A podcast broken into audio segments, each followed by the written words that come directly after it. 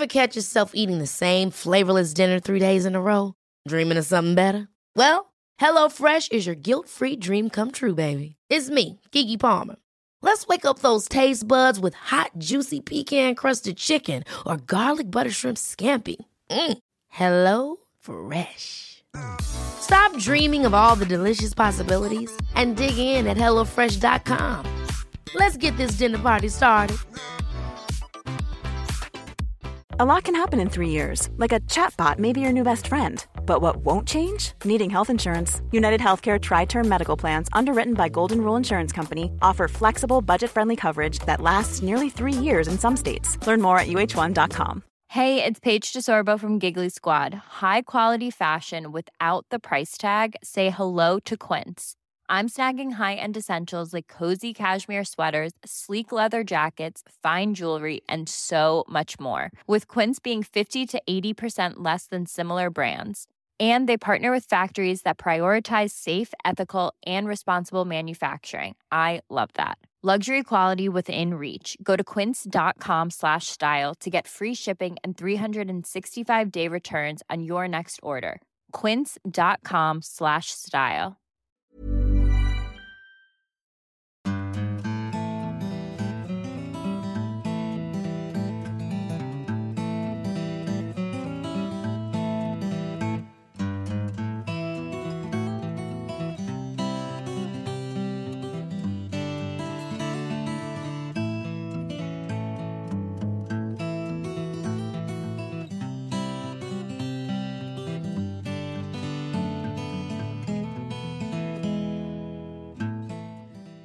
Hjertelig velkommen til en ny episode av eh, Hall og knall-podden. Og i dag er det Ja, jeg vet ikke hva vi skal si.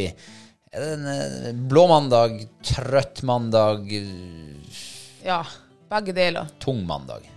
Ja. Man kjenner at du må, det har vært eh, liksom greier. Harde tak, Harde tak, ja. Tøffe tak og hår og bud. Hva er du så trøtt for? Du har vært med å arrangere en prøve i helga. Og jeg blir ikke trøtt av det, men liksom når det er støy hele tida rundt deg, eh, ja, da blir jeg blir sliten. Jeg blir, energien blir dratt ut. Jeg sa henne til deg i går kveld når vi kom hjem og la oss på sofaen, og så sa jeg vet du det høres faen ut som det er folk her i studio som driver og prater. Jeg hørte liksom litt sånn akkurat som du satt i en bar, og det sitter folk og kakler. Ja, du hører det er sånn evinnelig summing rundt deg. Ja, ja, sånn ettersum. Og det, så derfor er jeg trøtt. Og så er jeg jo også litt sånn sliten og eh, kjørt i kroppen, for jeg trente jo kettlebell her før helga. Jesus, er du ikke ferdig med det der ennå? Nei, jeg- Det var ikke for å skryte. Nei, er, hvorfor, hvorfor er det ellers at man sier at, uh, Jo, at du er sliten det- i kroppen for du har trent? Jo, fordi jeg er øm i kroppen, så det tyder jo på at jeg, eh, det, kroppen må jo absolutt trenes. Nå har jeg gått, og, eh, gått hjulbeint siden ja, fredagen. Ordna seg i går, men nå, nå er jeg liksom forslått i leggene. Gud bedre meg. Er det mulig? Altså, du har, nå har du gnelt om det der siden torsdag. Nei, det har jeg ikke. Jo. Så, du har også- gnelt om det der. Nei, nei. Jeg har ikke nevnt et ord om at jeg har trent med kettlebells. Det, jeg har måttet ha sagt at det er du som har trent. Hver gang du klager til folk om at du har så vondt i kroppen, og du er så støl, og du, du klarer ikke å gå ned trappa for sånn jeg er så stiv i lårene. Altså, hva du stiv i lårene? Jeg har trent kettlebells to ganger på en dag. Du, nå lyver du. Nei, det gjør jeg absolutt jo, ikke. for jeg har hatt gangsperre. Gangsperre, sånn skikkelig gangsperre. Ja. Også, Fordi fordi jeg har trent kettlebell Hvor mange ganger? to ganger. På hvor lang tid? På en dag. Men det var ikke det som var pointen. Og så går du og, og flirer og sier at ja, for at jeg har sagt til deg et par ganger her hjemme at å herregud, hvor, hvor gangsperre jeg har. Et par håndfulle går ganger. Nei, og så går du og forteller til folk at jeg har trent kettlebell, og da må vi bare si at ja, jeg har liksom gangsperre. Ja, så det er faken Mm. Du har lagt opp til en god smash fra min side, og det fikk jeg. Fikk en god smash. Ja.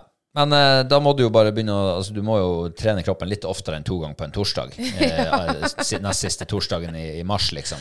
Ja, ja, men det er vanskelig for en. som har akkurat begynt å trene. Så jeg må eh, noe, men jeg skal jeg håper jeg får trent i hvert fall minimum hver torsdag, da. Ja. ja. Nei, man må jo begynne en plass. Ja, Ja, det er jo greit. Nei, men uh, har du det bra, sånn, bortsett fra at du er litt trøtt og tung i kroppen? ja det er vel, nå, vil jeg nesten, nå kjenner jeg det blir sånn flirete inni meg. Gjør du det? Oversett. Ja, oversett. Enn med deg, da? Hvordan har du det i dag? Jeg har det, jeg har det bra. Har det, jo, det har jo vært en um, Ja, jeg vet ikke hva jeg skal si. En veldig givende helg har det vært. Veldig trivelig, veldig artig.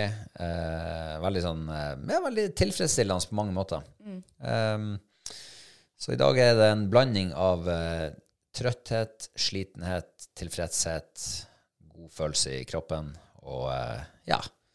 Jeg har det ganske bra. Ja, det er jo bra. Kan ikke annet enn å klage, som vi sier her. vi som vet hvor vi bor her oppe. Men du har vært veldig flink i helg og stått på fra morgen til eh, ja, langt utpå seint på kveld og på natt. Og, så eh, veldig dyktig er du. Nordtroms Fugleklubb er heldig som har hatt deg som prøveleder. Så, så, så. Ro ned, ro ned. Jeg har jo bare sittet og tvinna tomler og sett at alle andre gjorde det de skulle. Nei, Det har du ikke. Nei, Vi har eh, arrangert eh, og gjennomført Arnøyprøven.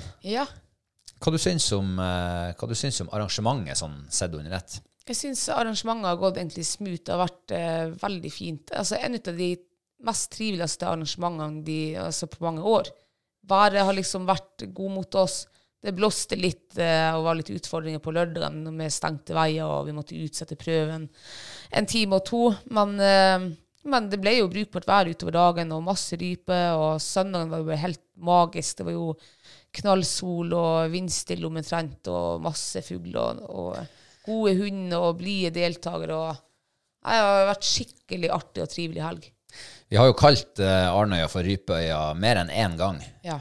Uh, men uh, jeg, jeg føler jo nesten litt at vi har eh, gjort en sånn litt på gammel storhet, eh, på, på en måte. Eh, men eh, denne helga så syns jeg virkelig øya har levd opp til navnet sitt. Ja, så det er sjelden jeg har eh, sett liksom, Du kjører fra, fra Fergeleie og liksom til Ålesund, der vi bodde. Det satt jo eh, rype liksom hver kilometer, så satt det jo masse fugl i trærne. Mm. det, er, det er lenge siden jeg liksom har sett det har vært så jevnt med fugl i trærne bort igjen. Og ja, masse fugl i helga. Og det har jo vært masse folk der ute òg. Ja. Altså, det er en helg i året hvor eh, skal man si den ellers fraflyttingstrua øya eh, Altså, de får befolkningsvekst. ja. Sånn skikkelig også. Det er litt liv på øya. Det må jo ha blitt, det må ha vært en, eh, minst 100 mennesker som har vært der ute og vært involvert i prøven på en eller annen måte. Eh, så det må være litt artig for dem som bor der ute også. Og dem som har butikk, og dem som eh, driver brøyting, og dem som drar med ferger, og dem som driver overnatting, og alt. At det virkelig det skjer noe. Jeg tenker det må være genialt. Kjempefølelse for dem òg.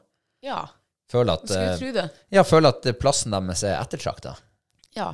Men ikke det, hvis det, noen skulle ha holdt et sånn her eh, helvetes stort arrangement her i gamle Dalaveien, og det skulle ha vokta drukket morgenskaffen min til masse folk og hunder rett utfor da, vet- Jeg vet ikke om jeg hadde syntes det var så jævlig artig. Nei, men nå er ikke det gamle Dalaveien fraflyttingstrua. Nei, det er sant. Hvis du hadde bodd utpå der, så kan det godt hende at eh, du hadde hatt en annen, annen oppfattelse. Ja, det tror jeg bare. Nei, det har jo vært artig. Men eh, hvordan har det gått med liksom eh, hundene våre, da? Nei, altså, jeg hadde jo egentlig ikke så Jeg hadde ikke særlig mye tro på hadde. Jeg skulle stille henne i VK. Um, og så kom det jo så mye snø her i forrige uke. Um, og det Jeg skjønte jo det kom til å bli tungt. Så jeg grua meg nå litt. Og så Men vi for ut på lørdagen. Det så jo ikke helt håpløst ut. Det blåste jo gammel-Erik fra fredag til lørdag. Så håpet var jo at det kanskje hadde pakka seg litt og blåste mesteparten på havet. Så kom vi ut, og så ser jeg jo eh, Vi har eh, sånn slipp eh, lenger ut på dagen. Eh, hundene i forveien de springer jo egentlig ganske greit på det føret. Eh, så da tenkte jeg ja, men da, herregud, da har jeg jo ingenting å frykte. Og eh, kom til Fight sitt skip, slapp på, og hun eh, drar jo av gårde. Hun springer egentlig ganske lett på det føret der. Så det går jo selvfølgelig ikke like fort som en, som en ung hund. Det gjør det jo ikke. Men hun springer jo.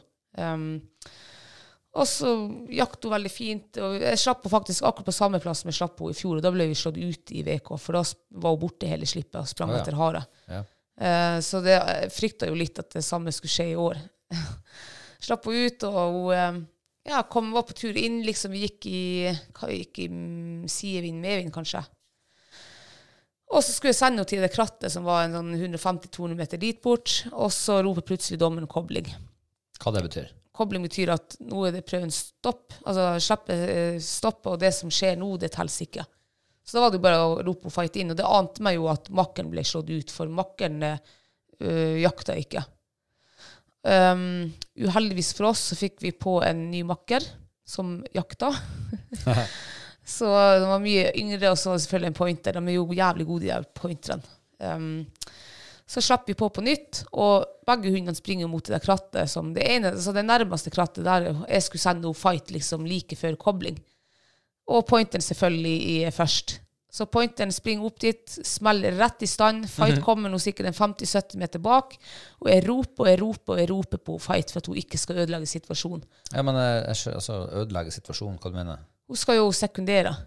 Hva det betyr? Det betyr at hun skal eh, stille seg bak eh, ja, makkeren sin og eh, liksom peke. respektere, respektere. Respektere stand, ja. Ja. Um, hun Fight er jo blitt en gammel og sta dame. Mhm. Eh, ja, for alt jeg vet, så, hun, eh, så har hun fått med seg at Pointen stilte seg der. Eller tror det. Men har hun for vane å sekundere, da? Eh, egentlig ikke, for hun bestandig først. Ja, vel, sånn. Så hun kan egentlig Jeg tror ikke hun helt vet hva sekundering er for noe. Hun har gått glipp av den leksjonen. Ja, og så er hun jo jævlig eh, sånn eh, Blir det fort fornærma og sånn. Så er, det aner meg jo at hun ble fornærma at pointeren kom dit først og stilte seg i stand. Så Fight hun gikk bare rett og slett eh, litt forbi pointeren, tok en sånn eh, UE liksom foran, og så opp med rypa. Og så sto, respekterte hun fuglen, selvfølgelig. Ja. Og så når jeg ropte, da kom hun inn til meg. ja. Ja. Så, og det, jeg skjønte jo at selvfølgelig vi var ute da. Det skjønte jeg jo egentlig fra jeg begynte å rope nei, og Fight ikke respekterte meg og Ja. Så skjønte hun at nå er det, så nå, er det AK i morgen. Mhm. Ja, så jeg tok det med et smil. Jeg kalte henne for eh, fittunge, kanskje. Jeg vet ikke. Uff, For et eh, skjellsord. Ja, men hun fightet tungert, så hun fikk ikke det med seg. Nei, men resten Men- av partiet fikk det kanskje med seg. Ja, det kan jeg. Nei, men, jeg, går for- vi er like gode venner i dag. Men eh, er du og føreren til den andre hunden like gode venner i dag? For Ja, det der høres ut som at uh, altså, hunden din har ødelagt eh, en eh, mulig premie, kanskje. Ja, og det er jo skikkelig ekkel følelse, faktisk. Um, så jeg beklagde meg jo til, eh, til føreren.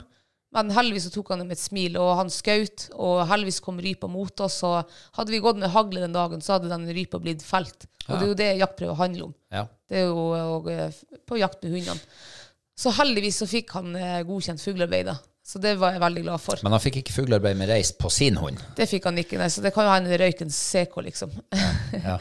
Men han eh, tok med et smil og, og sa til meg at han, eh, han eh, fikk noe te testa, eller trent henne med provokasjon av den hunden. Og det takla hun med glans. Ja, men eh, da, da er han jo konstruktiv i hodet. Ja, ja. tar, eh, ser læring i sånne situasjoner òg. ja. Nå er jo han også veldig altså Han er jo en um, Hva det heter um, Rutinert. Rutinert eh, jaktprøvefyr, så. Men det er jo klart det er jo ikke alle som ville ha tatt det på samme ro og, og med et smil, liksom. Nei, men altså, hva kan man gjøre, da? Nei, man kan jo ikke gjøre noe. Det er hunder, liksom. Jeg, det er ikke en robot, så når jeg trykker på knappen stopp, så stopper den. Ja, Du kan ikke bare trykke på avslutt app. Nei, jeg kan faktisk ikke det. Nei. Eh, ja. Så, så, men det er jo eh, altså, for deg da som sto opp i den situasjonen, og du ser at hunden hører ikke på meg, nå kommer den til å gå fram og ødelegge situasjonen for makkeren, ja. eh, og noe som, ja, altså en situasjon som faktisk kan være forskjellen på en eller annen premiegrad. Eh, og så får du, så tar han det på den måten. Det må jo være en lettelse for deg også. ja, veldig. For jeg, altså, jeg tenker jo Det er jo et scenario som er i hodet mitt. Måtte hvordan Altså, jeg vet at vi ødelegger heller ikke vi, men hun ødelegger for. Og jeg gjør jo alt det i min makt for å prøve å, å unngå det. Og så har, har jeg jo blitt ødelagt sjøl for min del også.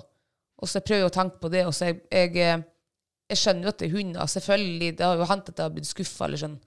At liksom Åh, faen, altså. Uh, men det er jo bare dyr. Så um, ja. Så da er lesson learned egentlig at uh, man bør bare trekke på skuldrene og si ja, ja, shit happens, det er dyr. Hvis det er deg det skjer mot. Ja, ja, men det er jo enkelt å si, men når du er i deg sjøl ja, Som sagt, jeg har blitt skuffa og tenkt eh, liksom fy faen. Hut deg dit pepperen gror. Nei, ikke riktig, men så har jeg jo, jeg har jo fort kommet meg, så jeg får jo ikke være gallsint på føren. Det er jeg ikke. Absolutt ikke. For eh, nei, nei, nei, overhodet ikke. Det har det aldri vært. Så for det, ting kan skje, det er dyr, og eh, ja, det er en del av jaktprøvegamet. jaktprøvegamet. Jeg tror aldri jeg hadde klart å liksom eh, ta det ut på Uansett hvor forbanna jeg hadde blitt, så tror jeg ikke jeg hadde klart å ta det ut på en annen deltaker. Nei. For um, Nei, jeg, jeg, jeg, jeg, tror kanskje jeg er for høflig. Altså sånn inni meg. Det, det hadde Men det handler jo også om sportsånd, liksom. Ja, ja, klart det. Altså, det handler om sportsånd, men det handler jo, det vi snakker om nå, handler jo litt om, sånn, om folkeskikk også. Jo, jo. Man kan jo si, altså Det handler om hvordan man snakker til folk, hvordan man sier ifra til folk. Mm. Er man uenig i noe eller kritisk til noe, så kan man godt, eh, man kan godt gi beskjed om det, men man trenger liksom ikke å torpedere den andre. Nei. Eh, kan man heller være litt konstruktiv. Men sånne der ting, det er jo noe man som fører stort sett eh, ikke kan gjøre noe med. Nei, nei. Så eh, ja. Nei, men det var bra at han tok det på den måten. Han tok det på den måten. Og hvordan gikk det med han til slutt, da? Når dere ble slått ut, så det hadde vært interessant å høre hvordan det gikk med han til slutt, da. Han fikk uh, andre VK. Oi! Så han kunne, han kunne jo faktisk fått se hvis han hadde reist, og uh, hun ellers ikke uh, ja, knirkefritt, liksom. Ja. Uten minus. Så. Ja. Men han ble jo med videre til finalen. Det er jo det som er det viktigste, kanskje, akkurat på en kvalifisering. Ja, det var det jeg tenkte også. Så lenge du kommer til finalen, og, og hvis kommer du dit med en premie, så er jo det flott og fint. Ja. Eh, og så hadde vi jo hun eh, lille Klopp som, eh, som eh, var på gjesteføreropptreden. ja. Ja, vi, vi hadde jo hver sin voksenhund å føre. Så vi hadde jo eh, spurt vår gode venn Christian om han hadde lyst til å føre henne Klopp. Ja. Og eh, det, takka han jo ikke nei til. Nei. Det var jo Kristian som debuterte med henne på jaktprøve i fjor i UK. På Arnøya. På Arnøya. Ja. Første dag. Fikk første uke på. Ja. Helt utrolig. så eh, han gikk med henne på, eh, på lørdag. ja, og han var jo ganske kjepphøy i sin eh, Altså, han sa det er bare å komme med bestilling, sa han. Ja, ja, Hva det vil dere ha? Ja. Første uka, andre uka, tredje uka. Hva vil dere ha? Ja, jeg bestilte jo første hos han. Ja. Og det lovte han. Ja, ja, det, herregud, det. Han har aldri vært på Arnøy og så ikke fått første uka. eh, så ble de jo sendt til et terreng, og de hadde jo sett ikke så veldig mye fugler. De havna i Akkarvika. De havna i Akavika. Hunden hadde gått i seks minutter uten fugl. Eh, Så hadde de tatt seg lunsjpausene med bilen, og så skulle de gå liksom en, en liten runde med de hundene som var igjen, for bare for å få fugl til dem. Og da hadde de jo kommet på orrfugler. Så de to første hundene før hun Klopp, de hadde fått hver sin fugl og blitt premiert. Og så er det Klopp sin tur. Og hun får jo også finne en årfugl som om den lå igjen, eller hva det var. Om det var Om den var daud, eller hva den var. Ja, jeg vet ikke. Men hun hadde i hvert fall uh, funnet fuglen, og så uh, hadde hun ikke fått visst reis. Uh, men godkjent fuglearbeid. Men hun hadde visst vært litt egenrådig også med Kristin den dagen der, så hun fikk en andre uke. Mm. Ja, så det var, det var veldig skuffende, egentlig, for at jeg hadde bestilt første. Ja, så når man, når man Nei, det- det tuller bare. det som irriterer meg mest her i denne verden, det er når folk ikke holder det de lover. Det er sant. Altså, eh, når de lover første uke, og så kommer de hjem med noe annet. Med andre, altså, Ja, da, han er, jeg er, blir provosert. Ja, ja, han- Skikkelig provosert blir jeg. han er diskvalifisert nå fra, på lista av eh, hvem som skal stille Klopp. Ja, men han har jo båret eh, to, eh, to uh, plasseringer for henne, to premier hjem fra henne. Ja, han har jo 100% premiering. Han har det. Ja, jeg er veldig glad for det. Og ehm, ja, altså Ja, du gikk jo med han Reborn-forskeren i VK. Hvordan gikk det? Uh, jo, jeg syns jo sjøl det gikk uh, sånn helt ok. Ja. Ikke noe, ikke noe mer, ikke noe mindre. Det var ikke noe sånn her stor opptreden. Nei. Men det var ikke noe ræva heller. Eh, det var jo, Vi gikk jo et annet terreng enn det dere gjorde. Vi gikk jo i Arnøyhamn, og der Arnøyhamn er jo kjent som et snehold. Ja. Og eh, når det blir tungt føre, så syns jo jeg ofte det er en fordel for en Reborn, for han har jo en motor av en annen verden. Det har han. Så jeg hadde jo litt forventninger til han. Og vi har jo eh, gjennom hele vinteren har vi jo hatt veldig bra samarbeid. Jeg syns jo sjøl det, og det har jo liksom blitt bedre og bedre. Så eh, vi starta ut og ja. Jeg syns jo sjøl det gikk ja, som jeg sier, helt ok. Han hadde bra, bra fart, bra intensitet, og hadde jo selvfølgelig noen slag som var litt sånn Hvorfor gjorde du det? Eh, Slo, liksom, slo seg bakover i stedet for framover. Men eh, i det store og det hele så var jeg nå syns jeg det var helt ok. Ja. Eh, og jeg, jeg, jeg prøvde jo ut et, eh, et nytt uh, jaktdekken på han. Og det hadde For det første var litt, fargene litt sånn dus. Ja. Og så det der stoffet som var i det, det var sånn at uh, sneen festa seg. Ja. Så jeg så han nesten ikke når han var litt på litt avstand. Eh, Så jeg tenkte at eh, ok, til neste slipp så skal jeg nå bytte det der eh, dekkene. Ta Ja. på noe med litt kraftige farger og litt annet stoff. Så jeg hadde akkurat tatt av det gamle og tatt på det nye, mens dommerne begynte å redegjøre for slippet, og de sa egentlig bare at begge hundene Og jeg tenkte bare ja, jakt er bra og fint, og begge hundene holder ikke klassenivå.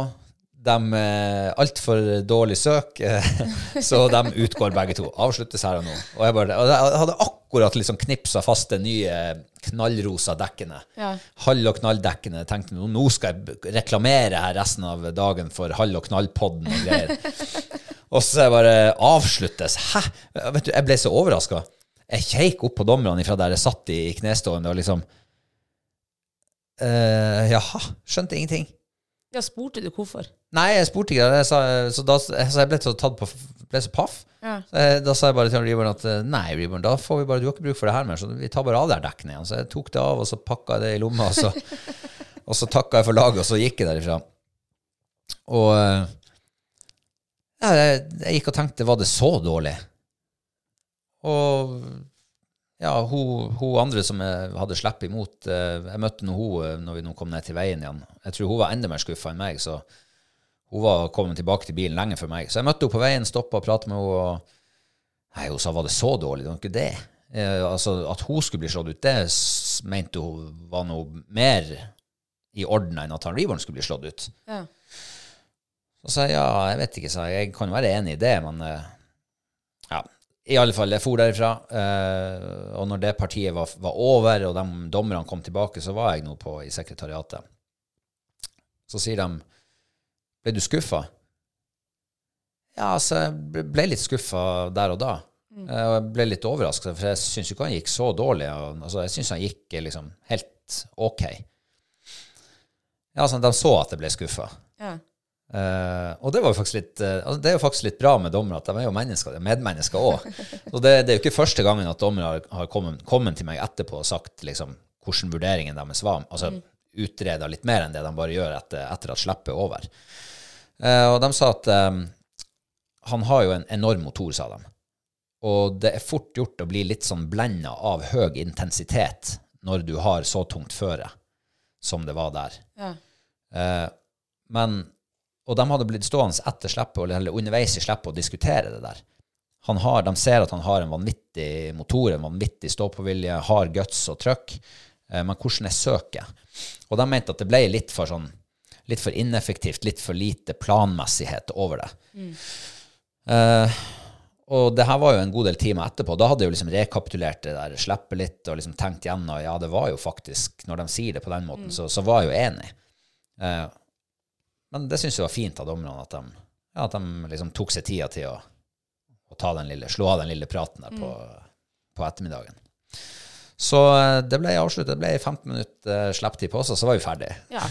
Men nå var jo ikke det Keita, men, eh, men i hvert fall det som jeg har i bakhodet fra jeg begynte å gå i VK, som jeg fort egentlig lærte meg, det er at første slipp, bestandig første slipp, så skal du tenke søk. Du skal vise fram det beste søket du kan liksom på den. Den hunden skal vise fram det beste i seg sjøl med søket sitt. Og så kan de, og da har jo dommerne sett sånn søk, så i slipp nummer to så kan du heller liksom eh, ta deg eh, Du kan sende den til det krattet som, som ligger bak deg, eller eh, 500-600 meter over myr, eller sånn der, for å prøve å finne fugl. Men så eh, Det høres kanskje ut som dommerne gjorde en rett vurdering, ja. Ja, ja, jeg, For eh, hvis det blir plan uh, uplanmessig og så eh, Ja, de, det var faktisk eh, eh, de, de sa det på det, det siste slaget han hadde, så slo han seg framover i litt sånn skrått oppover i sidevind, og det var jo et eh, langt skog, skogsholt et stykke foran oss. Så han slo seg sånn skrått, skrått oppover der og inn i den skogen der, og makker kom opp der i, etter hvert. Eh, og da sto, ha, fortalte de etterpå, da sto de og prata om eh, Ja, nå er vi spent på hvordan han kommer tilbake igjen.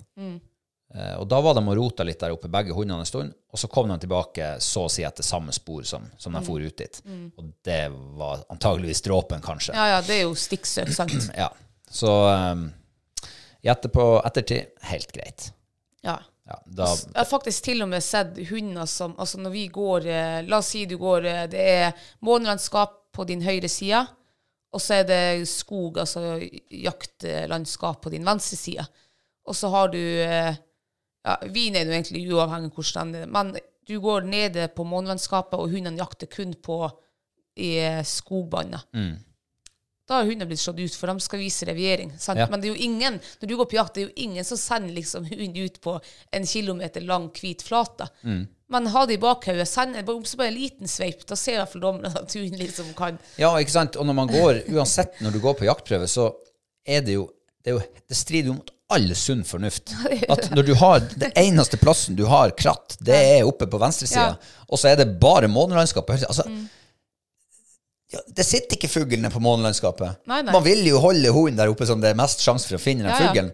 Eh, men eh, det er som du sier, man, må, man er nødt. Og jeg har blitt slått ut på akkurat sånn der type situasjon. Ja. I, på Arnøya i fjor, faktisk, tror jeg. Ja, Jeg har sett folk som, Og så er det jo andre dommere også som tenker at ja, nei, eh, helt flott at hunden bruker det der terrenget og ikke går ned på flata. For der nede vil ikke jeg ha vært og jakta, liksom. Mm. Ja? Så det, begge, det går jo begge veier der, så man vet jo egentlig ikke hva man skal gjøre. Man i hvert fall har det som en liten sånn regel. Første, første slippet i VK, vi søker.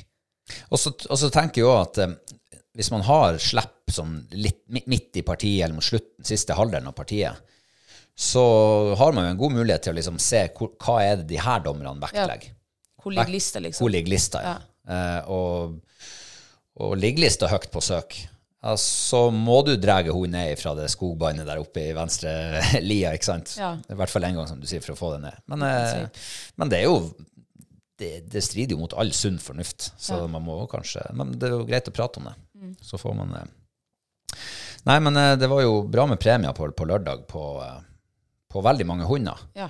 Eh, jeg tror de regna sammen at det var vel en rundt en 35% i premieringsgrad. Stemmer det. Og det er ganske mye. Mm. det er faktisk, vi hadde faktisk litt mer i fjor, sånn totalt sett. Var rundt 40, men, eh, men eh, bra med fugl. Og det var jo to dager. Ja. Og søndagen så hadde vi jo meldt oss på i AK begge to, Ja. med voksenhundene. Ja, hvordan syns du det gikk? Jeg gruer meg. Det var, vi skulle komme til et annet terreng, det terrenget dere gikk i. Eh, og der meldte du at det var ganske tungt føre. Og det var det jo ikke det terrenget vi gikk før. Altså, da var det bare liksom sånn jobbføre. Eh, kom dit, og herre jessu, jeg hadde først sluppet med Klopp, og jeg ser jo hvor det er altså så tungt det er det. Eh, nå er Klopp er jævlig langbeint. Hun er den største, hun er jo større enn en reborn. Og så har hun jo jævlig god motor, er ung og alt det der. Eh, men hun brøyta seg jo fint i det her. Hun sprang jo faktisk i det der tunge føra.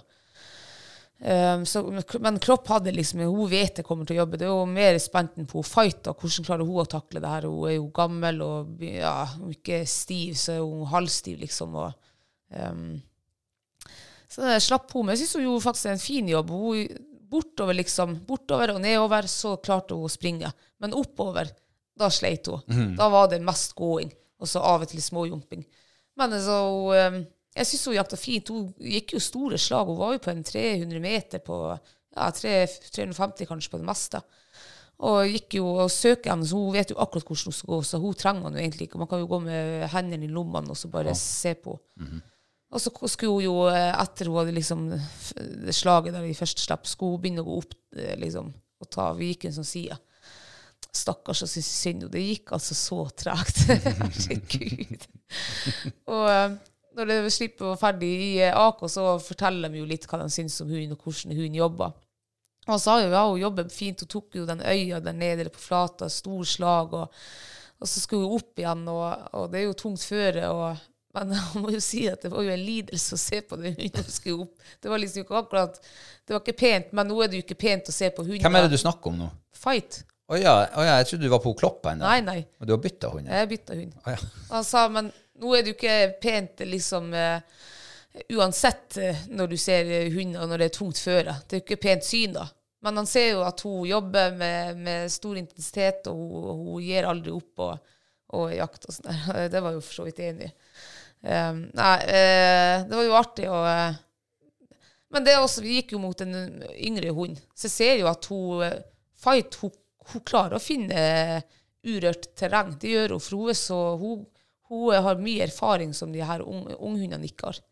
Så det er jo litt artig å se. Men um, nei, eh, svømmefør, altså, det håper jeg ikke blir på eh, NM nå når vi skal dit i helga. Nei. Det gjør jeg ikke. Ja, eh, ble det premie på fight? Det ble ikke premie på fight. Hun hadde jo flere sjanser. Hun, eh, vi gikk i medvind der, og det var jo rype som satt i trærne og rulla, så vi, vi fikk aldri noe. Hun hadde faktisk én stand i eh, nest siste slipp. Eh, Da hadde det akkurat vært hønsegård, og vi slapp ut, og hun fer rett under bakken der eh, vi hadde sett rypa. Og jeg springer fram, og så ser hun står der i ro og liksom bare kikker nesten sånn Hun er ikke intens, men hun, kikker liksom bare stivt blikk og alt. Så sier jeg liksom 'Her står hun fight', og så sier makker nei. Jo, faen se hun står. Og jeg, dommeren var bak meg, men han så ikke det, for vi sto, hun var nederst i bakken. Og plutselig så drar fer det en rype ti meter foran henne. Fy faen, altså, hvor jeg angrer at jeg ikke skjøt, og, og at jeg liksom gjorde oppmerksom på dommeren at han kom hit. Og, men da var det antageligvis en synsstand hun hadde, at hun sto og kjekk på dem. Ja, men jeg, jeg syns mange av hundene som hadde stand på, på søndag, de, de sto ikke så intenst, liksom. Men sikkert de drev og sprang på bakken, eller Ja, at rypen var veldig sånn Rypen var jo flau og ble jaga, og det var liksom kakling, og det, så det var liksom levende i sko. Det var akkurat som rypen var litt sånn forvirra. Altså Ja. litt sånn viltere av seg. Ja, det det kan hende kanskje de hun- hund- ja. Det kan hende hundene sto på lyd eller noe da, eller på mistanke. Ja, ja, det kan godt være. Eh, tipper hun fight eh, Jeg tipper hun sto på syns at hun så dem, for hun hadde liksom eh, hodet høyt. Når hun står på, på fugl, så er hun jo lav og smygende, Mm. liksom. Um, ja, så det var liksom den sjansen vi hadde, da. Ja, men det var det, det, var det jeg mente. At jeg syns det var litt vanskelig å lese hundene. Er det stand, eller står de bare og jeg vet ikke, gjør noe, altså står de og venter, eller står de og hva de gjør? Sånn, ja? Nei, jeg vet ikke. Det var Så nok de- så mange Nei, men jeg synes det var men De her hundene som vi Ja, kjenner, både ja. Reborn og Fight det var, eh, Hun Fight er jo ganske intens hun, når hun har stand. Så klart Hvis hun har stand, og så står hun litt mer normalt, så er det jo vanskelig å lese. Er det stand du har nå, som du sier? Ja, ja. Men jeg ble usikker. Mm. Og så kom jo makkeren, han, han, han kom jo springende ned rett mot henne, og da gikk rypa opp. Mm. Og da skjønte hun, da, ok, da var det stand, da. Så, eh, Man og da skal stole på hund. Hæ? Ja, man skal stole på henne. Jo, men jeg ble så paff for at jeg slapp henne akkurat ut, og jeg ser hun kommer ikke opp. Det her er bare snakk om en liten bakke, og så, jeg, og så var det flate der. Jeg skulle ha sett hun kom opp. Hun kom ikke opp. Og så gikk jeg dit, og da står hun. Og eh, herregud. At ikke jeg Hun sto, jeg sto jo kjekk på i flere sekunder. Hadde jeg ropt bare dommeren, så ville han jo sett det. Og så kunne han skutt det. Så hadde jeg kanskje fått en eh, andre eller tredje, kanskje tredje AK, da, siden det var så mye sjanser å ripe i lakken. Ja. Men uh, anyway, jeg fikk ikke premie på henne. Um, hun Klopp derimot, i hennes andre slipp, uh, så skal vi krysse månelandskap. Um, det, jeg vet ikke hva det kunne vært over. 500 meter over myra. Ja, Det var det sikkert. Det var nok bortimot det, ja. Ja. Jeg tar råsjanse. Jeg tenker, jeg sender henne over dit som det er skog. Jeg visste jo at det var fugl, for det, to dager før, når vi kom kjørende, så var hele skogen der helt hvit av fugl. Det satt sikkert en par hundre ryper der. Sender over, og hun springer jo uten å se seg tilbake over, akkurat sånn som jeg hadde tenkt. Tenkte jøss, faen, du er god, altså. Og vet du hva, jeg, jeg kom jo gående litt lenger bak, og jeg så jo helt på begynnelsen når du hadde sluppet henne ut der, og det var, hun begynte å ta liksom litt ut, ut på måne- månelandskapet der. Mm. tenkte jeg, ja vel, nå blir det spennende å se. katt snur hun, katt snur hun. Ja. Og jeg ser den her, der er hun halvveis over, der, er hun, der nærmer hun seg jo skogen der borte. Der er hun i skogen. Ja. Helt sykt. Det var så, så rått å se på. Ja, den der lille ungen der bare grusa det der terrenget. Smukk! Ja, ja, hun sprang så lett. Altså, det var svintungt. Hun sprang mot makken. Altså, makken gikk i sporene til hun klopp over den myra der. Det er ikke tull engang. Det var så tungt før over der. Men hun sprang altså i full galopp. Uh, og hun for jo, jeg ser jo, vi, Det var jo tungt for oss, også, så vi gikk nå liksom, jeg spurte makken om eh, skal, er du enig at vi bare peiser over her. Det er jo ikke vits å vente å få hundene tilbake. Ja, Han var enig, og så spør jeg dommer er det greit at vi bare peiser over der. Ja, det var greit, sånn. Så vi peiser jo over der, og, og jeg ser liksom Klopp tar tida, kanskje en 150 par meter, og så bikker hun liksom ned en sånn her liten rygg og blir borte. Eh, Så jeg springer jo, eller springer, men jeg går nå fort liksom sånn, og kommer på andre sida og begynner å gå liksom framover mot den ryggen som jeg så ble borte. Men jeg ser, det var ingen hund som sto der. Og jeg hadde jo god oversikt framover i den der skogen som eh, Jeg tenkte hvor i faen er hun? Jeg tenkte jo at nå har hun støkka hare eller rype, og så er hun etter dem. Hun kanskje hun får til fergeleie, liksom. Hun får til på fastlandet. Nei, og så plutselig så hører jeg bakpartiet, altså dere, stå ned på myra og rope at hun står i stand eh, ned mot myra. Og da roper jeg til dommeren, og hun er i stand her nede. Og ja, ser du? Nei, ser men jeg kan springe ned og se om jeg ser henne. Og så kakler nå han der et eller annet. Jeg fikk ikke med meg hva han sa, men jeg syns han sa kanskje at han klabba eller noe. Så jeg for nå bort, eh, sprang jo flere hundre meter, og plutselig der får jeg øye på Klopp 150 meter foran meg. Og så snur jeg meg bak. Nei, dommeren må jo faen nesten komme seg fra flekken. Så jeg står og venter. Jeg syns den tida det går altså så lang tid. Og så kom, nærmer han seg og så sier jeg, ja, ser du hunden? Ja, han ser hunden. Og så sa han noe igjen som vi ikke fikk med meg. Jeg tenkte det var igjen at han klabba, så det tok litt tid. Og. Så gikk nå fram der, og, og jeg kikk liksom bak. Nei, han var så, han var jo så langt bak meg. Men jeg tenkte jeg fortsetter å gå, for han ser jo hunden, og han har litt høyde, så han vil se hva som skjer. Og når jeg er kanskje en 20 meter bak Klopp, 25 meter, så snur jeg meg, og da ser han viser bare tommelen. Så da reiser hun Klopp, og opp kommer det en fire-fem fugler. Og så sitter hun, og så eh, røyser hun opp og utreder, smeller i stand igjen, og så ferdig rype, og så skyter jeg. Og var, jeg hører det kakle foran der, og det ruller. Og så drar hun fram igjen, og så blir hun stoppende på det og kikker. Og da, og da, tenker jeg jeg må bare få henne vekk derifra, jeg må rope henne inn, og slippet var jo over. og og jeg ropte og jeg ropte og ropte på den hunden. I faen heller om hun ville komme. Til slutt så kom hun. Og eh, dommeren kom nå ned dit, og han hadde jo selvfølgelig da knekt skien. Det var derfor han eh, brukte eh, Det var klabbinga hans? Ja, det var klabbinga hans. Var, han hadde knekt skien, så han hadde knekt den tvers, altså midt på. Så da skjønner jeg jo. Um, men i hvert fall når vi står der når han skal stå og utrede slippet der, så sitter faen meg fugl igjen der, rett attmed oss, under en buske, og trykker. Og det var akkurat der hun Klopp sto den tredje gangen. Så hun må jo, da har hun sikkert stått i det var jo ikke, Jeg syns ikke det var så intenst, den standen hennes. som det var synsstand, eller Jeg vet ikke. Men anyway, da. Um, jeg var jo sikker på at vi skulle avslutte med andre uka der, fordi at uh, det var litt rip i lakken i uh, hennes andre slipp. Da var det noen sjanser liksom i en skog. Så jeg tenkte at jo, han avslutta sikkert kanskje med den andre. Men nei da, vi skulle få gå videre. Vi hadde jo ti minutter igjen eh, å gå til det var 60 minutter. Så da, var, ah, da kjente jeg eh, altså Det er så artig når det, når det, er noe som står på spill, og når det er masse fugl. Jeg syns det er litt spennende. Ja, det er jo mye artigere når det er noe som står på spill. Det er jo det.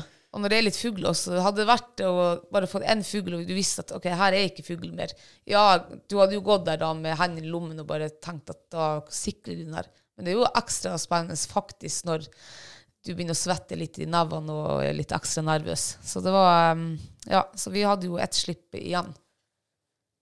Ja. ja. Det gikk bra? Du, det gikk eh, veldig bra. Jeg slapp henne, og så Jeg spør jo makkeren min at skal vi holde oss ned på flata. Nei, sånn, hva det nå gjøre om de finner seg fugl, eller ja, så, Men eh, det var jo her vi gikk i stad med begge samme hundene, og de stykka. Det var liksom, det virket som fuglene var så utrolig lett. Nei, da, sånn. Han hadde jo også fuglearbeid og lå an til første. Men vi gikk nå opp der, da. Og når vi kommer eh, opp over bakken, så ser vi jo Klopp står i en stilfull stand midt i en side.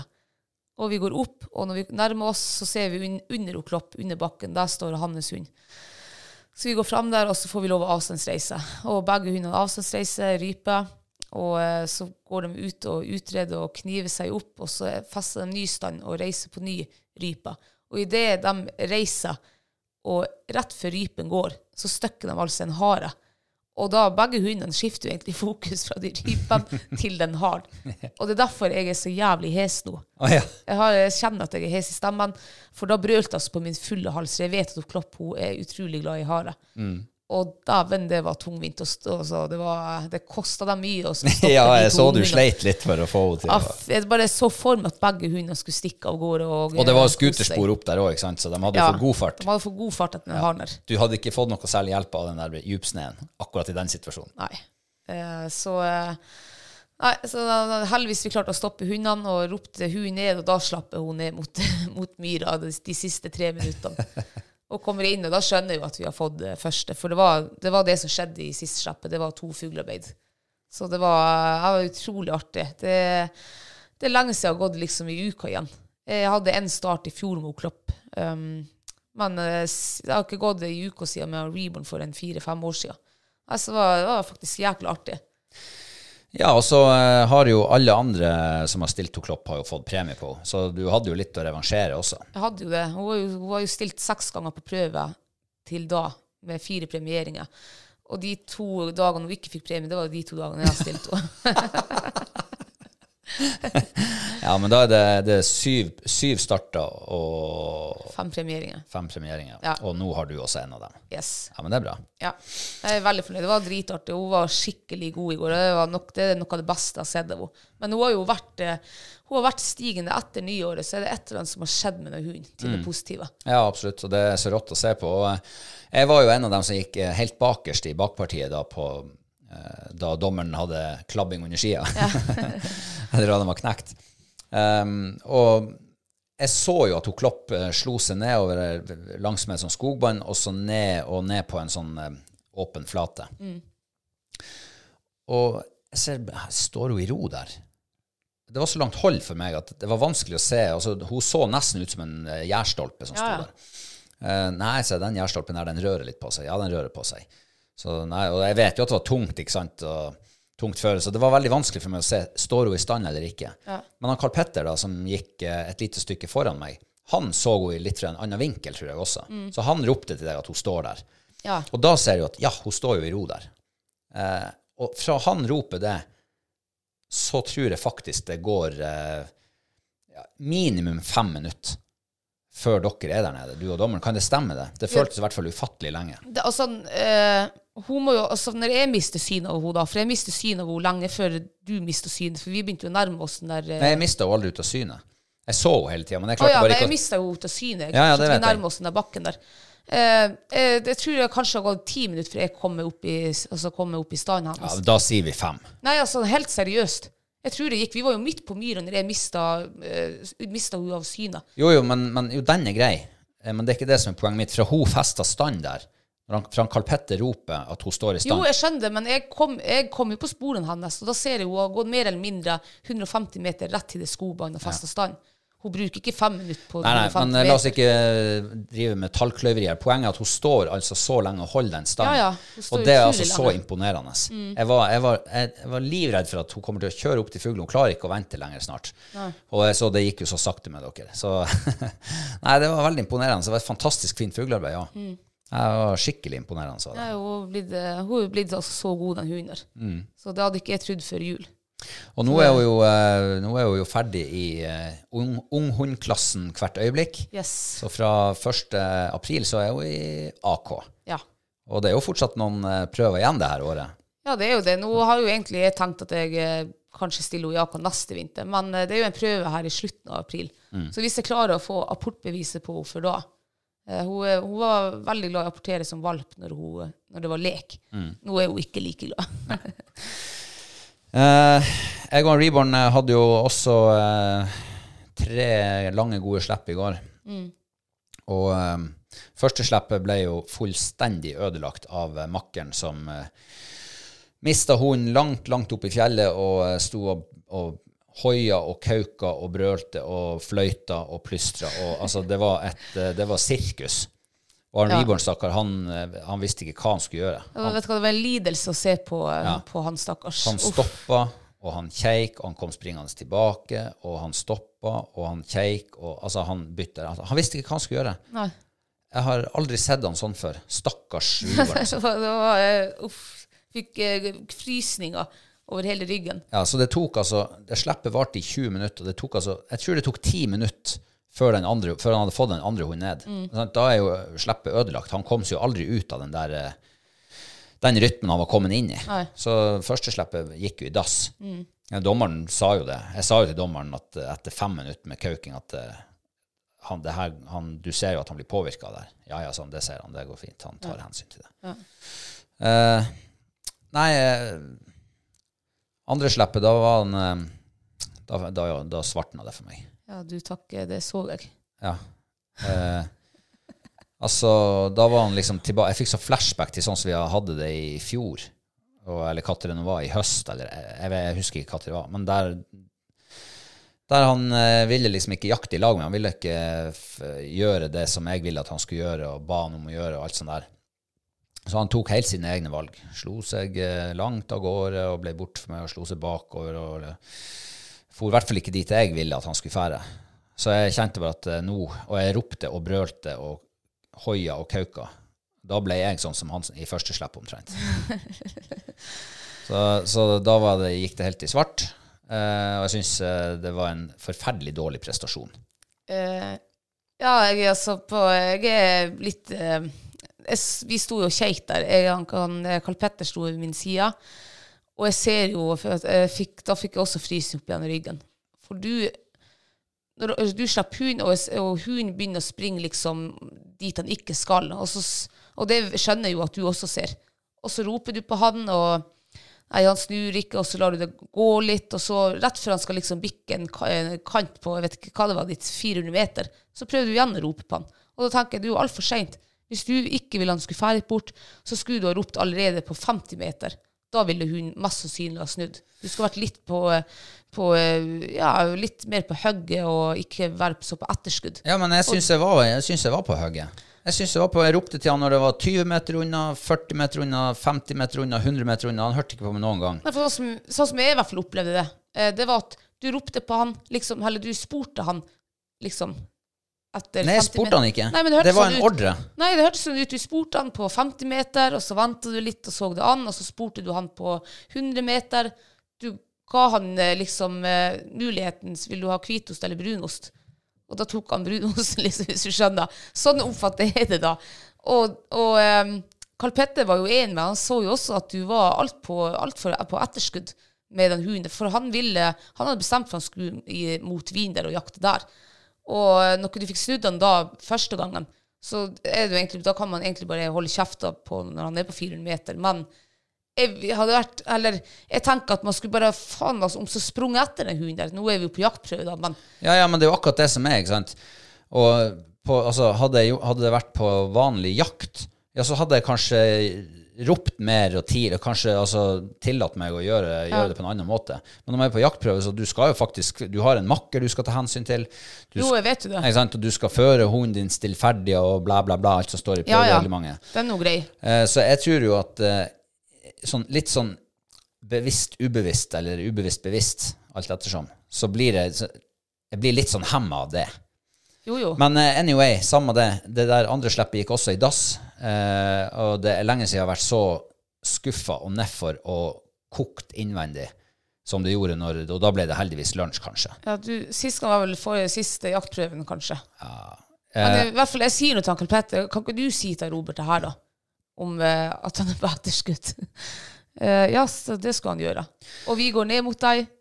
Kan jeg bare si bare når vi går ned mot deg? For jeg ser jo da at du er skuffa, og det koker innvendig.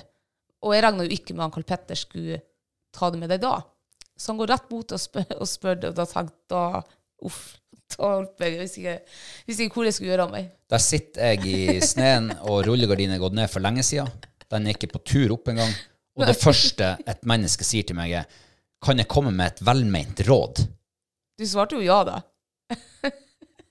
Jeg sa ja, det kan du godt gjøre, men akkurat nå er jeg ikke særlig mottakelig til det der. Og så begynner han. Bla, bla, bla. Du må være timing. Alt er timing. Jeg tenker jo, ja, Karl Petter, du kunne godt ha tima det der eh, velmente rådet ditt litt bedre sjøl også. Altså, snakk om, altså Det er nesten sånn at eh, ja, du ligger nede med et åpent sår, og så kommer det en eller annen kjøttpuck og bare strør grovsalt i det. eh, og altså det, det, det, Jeg hadde en sånn føl, en, blanding, en blanding Alle følelsene mine inni meg. Det var sånn jeg blanda mellom eh, skuffa, ja, ikke så veldig mye skuffa, jo litt skuffa, men eh, mest forbanna, eh, og sånn her, og, og føle at du kommer til kort sjøl også. Altså at du er udugelig. Du er en ubrukelig fører. eh, og han står der og forteller deg hvor ubrukelig du er, han Karl Petter. Det er akkurat det han gjør. Ja. Han, han tar eh, ja, Han strør salt i sårene og, og vrir rundt kniven. Eh, det, sånn føler jeg det. Og, du, og går til angrep på meg Ja. som person. Sånn føler jeg det der og da. Og da kjenner jeg at rullegardinen går i hvert fall ikke opp med det første. Ja, ja. Jeg sto på sidelinja og var egentlig i, nøytralt i det hele, liksom. Og så jeg så jo at han Karl Petter han overhodet ikke skulle eh, det, det var ikke kritikk de ga til deg, det var, et, det var faktisk et velment råd. Ja, ja, men det er jo det jeg sier. Jeg, jeg, jeg vet jo det. Ja, ja. Men der og da så oppleves alt. Altså, folk kunne ha kommet og sagt til meg 'herregud, du er flink å føre hund'. Da hadde jeg følt akkurat på samme måte. Jeg hadde følt det som en sånn derre eh, ironisk eh, Ja, ja. saltstrøing. Og, så alt var kritikk av meg som person der og Ja. da. Og, um, og det er nå greit. Eh, jeg er jo et følelsesmenneske. Jeg vet jo det. Det er jo en av svakhetene med meg. Det er jo at jeg er et følelsesmenneske. Ja, det, og det er faktisk en svakhet når det kommer til hund. Jeg skjø- jeg Der har- kommer du med mer kritikk av meg. Nei, det, er ikke, det var ikke kritikk. Du sier at det var en svakhet. Og det er jo, jeg har også mange svakheter. Eh, den svakheten hadde jeg også for når jeg begynte med hund. Jeg tok det i tårene. Jeg begynte å skrike for jeg var så skuffa. Ja, og jeg blir forbanna. Og du blir forbanna, ja. Og da kan jeg bare fortelle at det nytter ikke å skrike, og det nytter ikke å bli forbanna. Og så er det dyr, sånn som vi snakket om i stad. Det er ikke en app du kan skru på. Um, Ja. Men, men ja, ja, i alle fall um, Følelsesmennesker, i hvert fall sånne som meg, det er ikke så veldig lang vei fra himmel til helvete. nei. Og andre veien også. Men det går jo an å jobbes med, da. At det skal bli lengre vei. Ja, men at man ikke trenger, man kan, Denne følelsesmennesket kan man legge på hylla. Nei, det kan jeg ikke. Nei, Man jeg kan kan, ikke jo, man kan prøve det. Jeg kan ikke det. Det kan du så rett. Alle Eh, kan det. Ja, Men det er ikke det som er poenget. Kan jeg få prate ferdig? Ja. Takk. Eh, når jeg da har fått spist litt lunsj, eh, og fått liksom eh, Fått roa meg litt, da. Fått det liksom litt på avstand. Et kvarter, 20 minutter på avstand. Det er ikke så veldig mye mer enn det som skal til før jeg kjenner at eh, ok, det er litt, eh, nå er det litt lettere i hodet. Og så skal eh, Første slipp etter lunsj, det var vel eh, du og Klopp. I alle fall så har dere slipp, og jeg blir gående bak der, og så sier jeg til Karl Petter ok, nå har jeg roa meg såpass, nå kan du komme med det velmente rådet ditt. Og så snakker vi om det. Og han sier eh, du må time det bedre. Du må time liksom, tilropet til han at du skal snu han bort dit han er, mye tidligere. Eh, og så tok han eksempelet. Han kommer eh, ned, eh, begynner så vidt å skrå litt sånn ut til høyre og treffer et eh, skuterspor. Fra tungt føre til superlett føre på det skutersporet. Alt rundt det skutersporet er tungt. Selvfølgelig tar han det, super, det skutersporet. Og det var det han gjorde. Hvis du hadde ropt til han med det samme han traff det skutersporet, ropt 'her' eller et eller annet sånt, Ja. så hadde du fått han til deg. Og jeg kjente jo bare at med en gang vi gikk og pratet om det, så var jeg tilbake i situasjonen. Så jeg kjente liksom at det begynte å boble litt innvendig igjen. Men jeg, jeg, jeg skjønte jo at du har jo helt rett. Selvfølgelig er det rett. Eh, men jeg var fortsatt ikke helt sånn Jeg, jeg aksepterte ikke helt Nei, nei. at andre hadde rett og komme med velmenende råd. Eh, Så vi snakka litt om det, og sa bare ok, nå er jeg ikke mottakelig mer. Men jeg har hørt hva du har sagt. Eh, Og det som redder hele situasjonen for min egen del, det er at hun kloppfester stand bortpå der. For hadde ikke hun gjort det For da kjente jeg liksom at shit, da fikk jeg noe annet å fokusere på. Ja. Og det var noe som var bra, det skjedde noe positivt. Eh, og det var deilig. Og da kjente jeg liksom at åh, nå letna det. Der forsvant det litt, og jeg så å, det ble jo skudd og ja, kjempe fuglearbeid. Da kan hun jo få seg premie i dag. Eh, og det var sånn her, ja. Der var jeg lettere til sinns. Ja. Og da hadde jeg fått liksom lagt bak meg det der greiene der. Og da begynte jeg å se litt mer sånn konstruktivt på verden. Og jeg vet jo at vi har ett slipp igjen. Så jeg tenkte ok, eh, jeg har jo ikke noe bedre å finne på, så jeg kan jo faktisk prøve det han Karl Petter sa. Ja. Eh, vi kommer, eh, slipper mot to fight faktisk, eh, og han slår seg utover, og jeg tenker, ja, det der er bra, det der er bra, han slår seg med sidevind fra venstre, han slår seg ut mot høyre, og jeg tenker, yes, perfekt. Og det han Karl Petter også sa, eh, det nøtter ikke å rope. Hvis han ikke snur etter, når han er på 50 eller altså 100 meter, da, Nei, så snur han, da snur han ikke. Da kan du like bare holde kjeft. Og han slår seg lenger og lenger ut, 100 meter, 200 meter, beinstrek, skrått ut, men det ligger fint på vind. Og jeg tenker, nå har du nå slått det langt nok ut, så nå kan du jo slå det litt framover, så får du veldig mye fint terreng med deg. Nei da, slår seg bakover. Inn i selvfølgelig enda finere terreng, der det hadde vært masse fugl tidligere. Så jeg tenkte bare, ja vel, eh, da får jeg bare Glem det, ikke rop, ikke bruk energi på det, du må bare la han gjøre seg ferdig. Han kommer tilbake på et eller annet tidspunkt. Og han tar jo hele det skogholtet der og kommer tilbake. Og hva er mellom oss? Jo, et skuterspor. Ja. Så jeg står og roper på han. Mitt tegn til han er jo armene i været, stavene opp og roper 'kom her'. Og da kommer han som regel. Og han kommer beint mot meg, og jeg står og liksom bare minner han på det. Han hadde sikkert 300 meter å springe i djup snø. Minner han på 'du skal hit, kom her, kom her'. Eh, og så kommer han. Helt perfekt. Helt inntil meg. Passerer føttene mine, og jeg føler der, nå har vi kontakt. Og så slipper han på videre, og så skal han til å liksom skrå ut. Nei, sier jeg, kom her. Snudde han. Og da var jeg bestemt meg. Han tok han akkurat i rett tidspunkt. Og jeg tenkte bare? Og det er så forbanna enkelt. Ja. Timing is everything! ja. Shit! Du, det har sagt det i alle ja, men, år. Ja, men det ble, så, det ble så konkret der. Jeg måtte si til han Karl Petter etterpå Du var jo sinnssykt direkte med Altså, du hadde eksempel som jeg kjente meg igjen i. Visste, ok, Skutersporet, der skulle du sagt det til han. Mm. Ikke når han hadde sprunget 15-20 meter etter skutersporet. Da er det for seint. Ja, da er det for sent, ja. Og da er det en situasjon som er liksom Der har du den røde linja. Trør du over den, eller slipper du han over den, så er det for seint. Ja. Eh, og da var det liksom OK, da skjønner jeg hva du sier. Da er jeg jo dum i hodet, så jeg må jo liksom ha det så enkelt. Teskjemetoden inn. Eh, så når jeg, da, når jeg da ser på altså, skutersporet, da vet jeg der. Der skal jeg treffe. Der skal jeg rope til deg. Ja. Eller så mister jeg det kanskje. Og det funka. Ja, ja, du, Så- det, ja. Så det var liksom avslutninga da. Han gikk jo kjempefint til slippet der. Mm. Det tredje slippet i kjempetungt føre. Jeg er søkkimponert. Og jeg ble så glad jeg fikk en sånn god følelse inni meg. A, fordi at jeg slapp å stå og brøle og kauke og plystre etter han når han var altfor langt borte da han tok det slaget gjennom den av den skogen. Og B, at jeg traff med den timinga. Så bare det å liksom Jeg gikk og tenkte på det. Jeg må, jeg må se hva er det som ligger foran han nå, som kan være en sånn At han fer bort. At jeg mister han. Så må jeg være i forkant. Og det gikk og tenkte på. Det var ja, superbra. Så jeg fikk, eh, fra å være langt nede, kokforbanna og sur og lei, eh, ikke hadde trua på min egen karriere som eh, jaktprøvedeltaker, ja, så eh, fikk jeg en fin avslutning Ja. på den dagen. Men det var jo kjempebra. Så for det, det, det siste heller Ja, det, det, vi, det våre samtaler gikk i lunsjen, og vi snakka jo ikke særlig mye da, men det var jo at eh, du skulle faen ikke til Andøya på NM og stille den satans skithund. Det var liksom det du sa da. Um, så skal du til, til Andøya nå, da? Ja. Ja, så bra. Men endelig, altså. Jeg har, skått, jeg har sagt det, her- det her til deg nå i Når var det du overtok en Reborn? Er det fire år siden? Og det har vært, hver vinter har det jo vært skithund og dritthund, og du skal faen ikke det og det og det. Og så kommer altså Karl Petter og putter teskje-metoden i deg. Herregud, hvor fantastisk. Kunne ikke du Så- gjort det for fire år siden? Jo, men jeg prøver jo Jeg, jeg klarer ikke å være så eh, Altså, jeg, jeg prøver å fortelle det til deg, men, men jeg tror mange ganger så hører ikke du etter meg. Jeg vet ikke om det er for at jeg er kvinne, eller kanskje jeg skulle vært mann. Kanskje du har mer respekt for menn.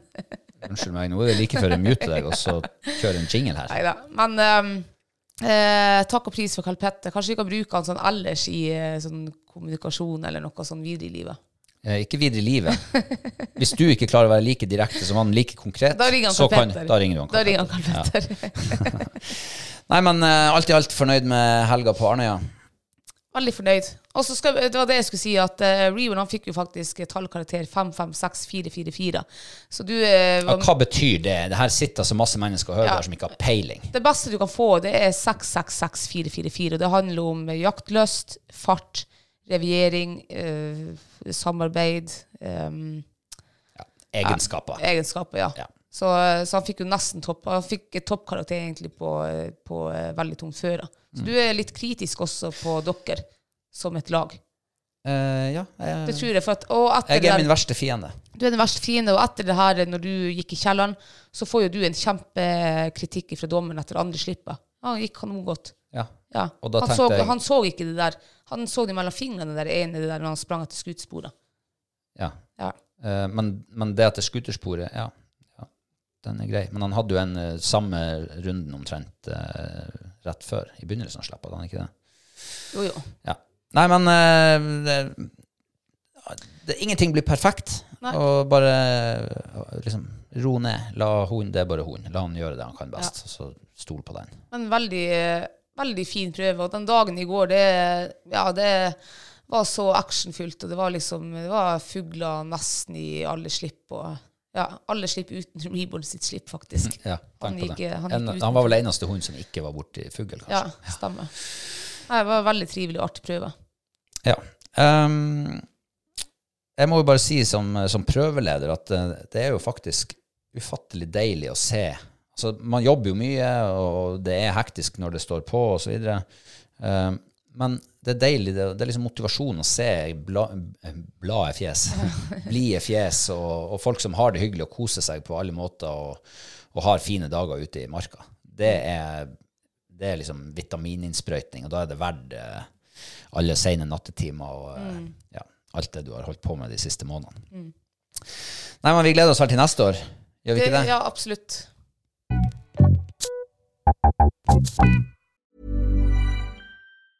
There's never been a faster or easier way to start your weight loss journey than with PlushCare.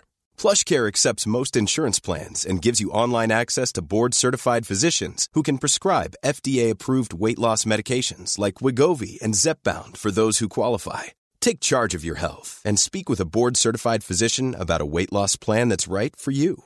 Get started today at plushcare.com slash weight loss. That's plushcare.com slash weight loss. plushcare.com slash weight loss. Hold up. What was that? Boring. No flavor. That was as bad as those leftovers you ate all week. Kiki Palmer here, and it's time to say hello to something fresh and guilt-free. Hello Fresh. Jazz up dinner with pecan-crusted chicken or garlic butter shrimp scampi. Now that's music to my mouth. Hello Fresh. Let's get this dinner party started. Discover all the delicious possibilities at hellofresh.com.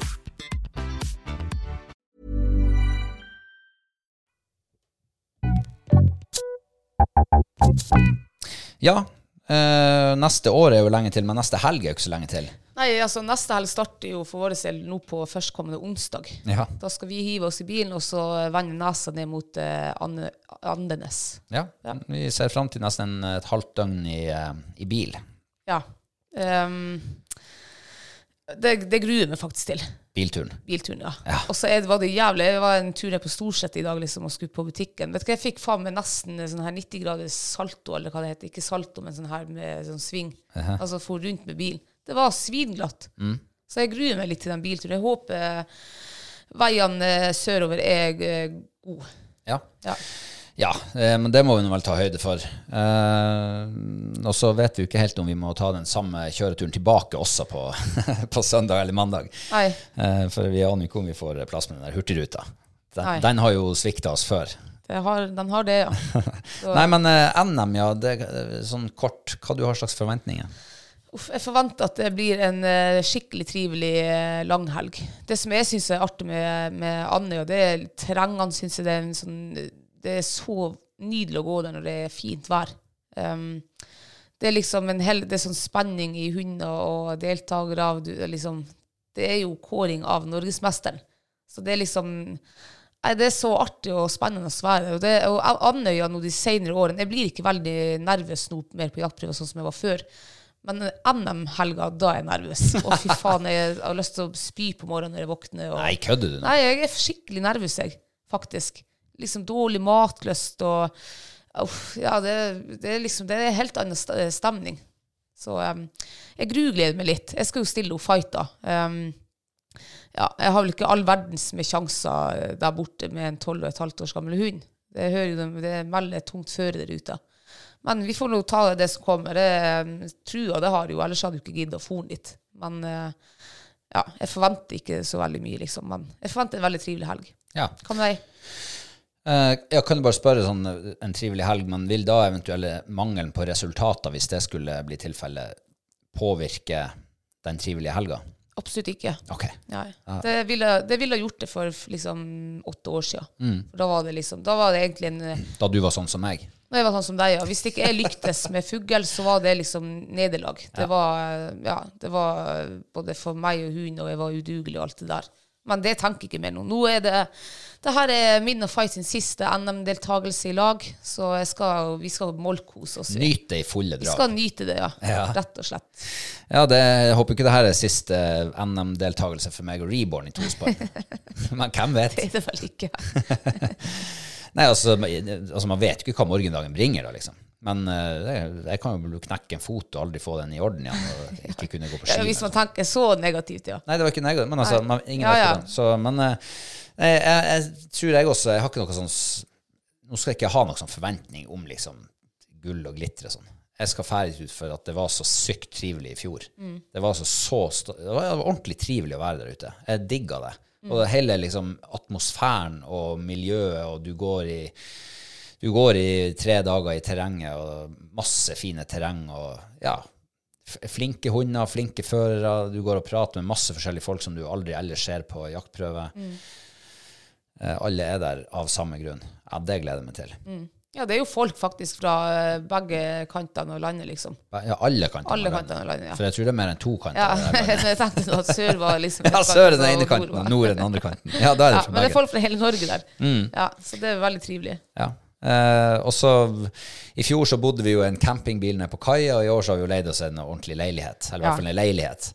Den leide, tror jeg, før eh, så, november, kanskje. Mm. Så nå har vi skikkelig Jeg har aldri vært så tidlig utfor. Nei, du er blitt eh, bedre på langtidsplanlegging. Ja. Nei, eh, men eh, neste podkast vi skal spille inn, den eh, blir vel mest sannsynlig å foregå på Hurtigruta på tur hjem. ja. Eh, Så da, da, da sitter vi der med full av inntrykk, kanskje bagen full av medaljer. Nei da, Hvem vet? hvem vet, men jeg, skulle ikke ha det. Jeg skulle ikke ha noe forventning om det. Men eh, vi kan vel eh, ønske oss lykke, lykke til, sånn Ja, ja. på vegne av oss sjøl. Lykke, Lykke til. til. Ja, tusen takk. Du, nå eh, begynner det å drage seg til i eh, 71 grader nord-verden. Ja. Um, forrige uke så har vi vel eh, Vi fikk jo se hvordan det gikk med matkonkurransen. Ja, Og stemmer. eh, dere hadde jo han eh, Kane med dere. Vi hadde han Kane med oss. Ja, ikke Morgan Kane, men Nei, Kane eh, for Jeg vet ikke, jeg husker faen ikke navnet hans. ikke Kane i West. Nei. Nei, bare Kane. Kane, ja. Ja. Bon appetitt. Ja. Ja. TikTok, jeg er matlager. Johanne visste jo hvem han var. Jeg bruker jo ikke TikTok, så det ante jo ikke. Veldig trivelig fyr, altså. Kom ned og skulle begynne å kokkelere. Vi hadde Hanne på laget i et kvarter. Og skulle være på egen hånd i en halvtime. Eh, vi hadde jo så god tid at vi hadde jo laga den matretten på ti minutter. Um, ja, det, alt gikk smooth, egentlig. Vi visste hva vi skulle gjøre.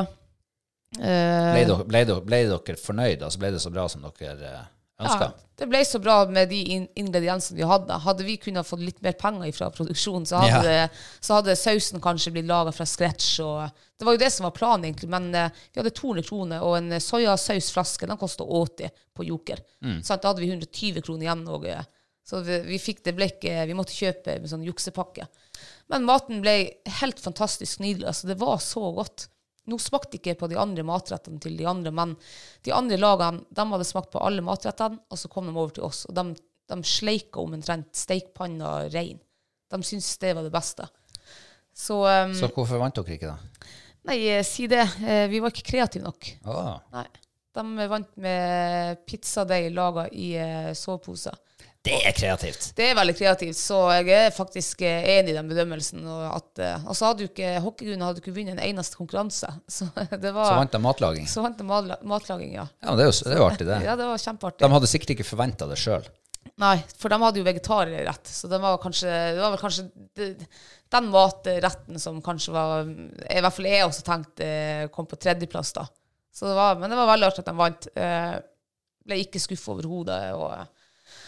Ja, så skulle vi jo videre, da. Vi var jo inne i um, mot semifinaler. Um, så vi skal jo samle de her bokstavene. Um, så neste Som vi ikke helt ennå vet hva dere skal bruke det til. Dere vet ikke hva Nei, stemmer det, ja. Så vi vet på at dere sanker bokstaver nå. Ja, Vi visste heller ikke hva vi skulle bruke det til, men vi visste at uh, noe kommer, og da er det lønner seg kanskje å ha mest mulig bokstaver.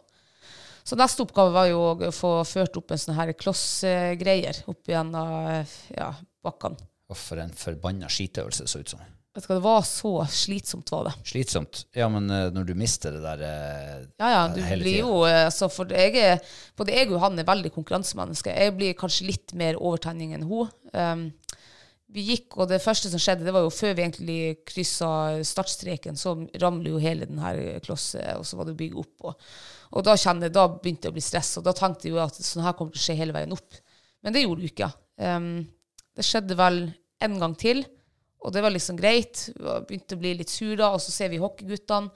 Så tar vi dem igjen, og vi fer så Altså, vi går så fort og langt at vi til slutt så ser vi ikke dem mer. Og så mister vi dem for tredje gang. Da rant det over hos meg. Da ble du sånn som meg. Ja, ja, da, ja, da ble jeg sånn som deg. men ikke sånn, da, men da sa jeg 'helvete, Johanne'. Sånn, 'Helvete, Johanne'. Og da hun tar jo det som kritikk. Hun tror at jeg sier 'helvete, Johanne, det her er din feil'. Det var absolutt overhodet ikke det jeg sa. Det var mer sånn der Jeg kunne ha sagt 'helvete, Kristine og Johanne', eller 'helvete oss', men det er ikke naturlig, liksom. Det er naturen, for jeg snakker til henne, liksom. Så, det var, men, da ble det jo mist. Det ble jo litt sånn eh, jentekrangling der, og, eh, eller diskutering. og Klorte dere hverandre? Nei, ikke Det ble riktig, ikke men det ble noe sånn eh, Ja, hun ble noe ufin der. Hun ville jo ikke Hun syntes det var så jævlig utrivelig å være på lag med meg. Så hun ble jo sånn som meg. Ja, To sånn- sånne som ja. meg i lag der, det er dårlig miks. Ja, men uh, vi var i konkurranse, så vi hadde ikke tid å krangle, så vi måtte bare få de der klossene. og så går vi videre, og så skjer det en gang til. Det var jo faktisk ikke så langt etter. Og da sier hun han det var min skyld, så det var faen ikke min skyld, og du må jo gå ned, og vi skulle krysse den brua der, og, og så skulle jeg stable opp, og så var nå ikke jeg god nok å stable det, og så jeg husker det måtte, da, Jeg tror jeg var ufin tilbake da, så jeg tatt til helvete du sjøl, du som er så verdensmester eller noe. Det ble nå litt småkrangling, men vi kom oss nå opp dit, og, og var strålende fornøyd, og søkker sliten, vet du hva, det var så tungt. Eh, det ser kanskje ikke så tungt ut, men det var fryktelig tungt, var det. Ja. Ja. Og så var det neste, og Det var denne speilpersonen. Altså, den eh, konkurransen som det var en fordel å kunne telepatisere, Ja, telepatisere. det der er sykt. Ja. Eh, er det, det der er jo bare klippa til. De har jo gitt dere du, det er faktisk ikke klippa til. Det der er klippa til, det går ikke an. Når jeg og Johanne Når vi er halvveis, det er da vi begynner å prate om telepatisering, og han Tomme Stiansen, han står i midten av, liksom, midten av oss med en propp på høyre øre og en propp på venstre øre, og hører liksom oss begge prate. Og han ble altså så paff for at vi sier omtrent i kor at nå skal vi telepatisere til hverandre. Nei, Ja? det, nå lyver du ikke. Nei, det er helt sant. Han sa det til oss. Han sa bare 'er det mulig?' Og når vi begynner å nærme oss Han visste ikke hvor han vi var på løypa. Men når vi begynner å nærme oss Han har liksom en strekning eh, mot meg og en strekning mot Johan. Han står i en sving. Og da ser han altså at vi kommer helt på likt. Vi kommer inn der han ser at jeg har bedre fart enn Johanna. Johanne drøyer litt. Og så kommer vi inn, og jeg tar flagget med en gang, og Johanne kommer inn, og hun venter noen sekunder, og så tar hun det. Og dere ser ikke hverandre da? Vi ser ikke hverandre, nei, for han står i svingen, og vi står på hver vår strekning, liksom. Og det var altså, hva var uh, differansen? Var det 11 minutter? Nei, 11 sekunder. Noen få sekunder. 7 eller 11, jeg husker ikke. Det var, noe, det var ikke så mange sekunder da. Uh, ja, det var faen meg Jeg var imponert over oss sjøl at vi var så samstemt.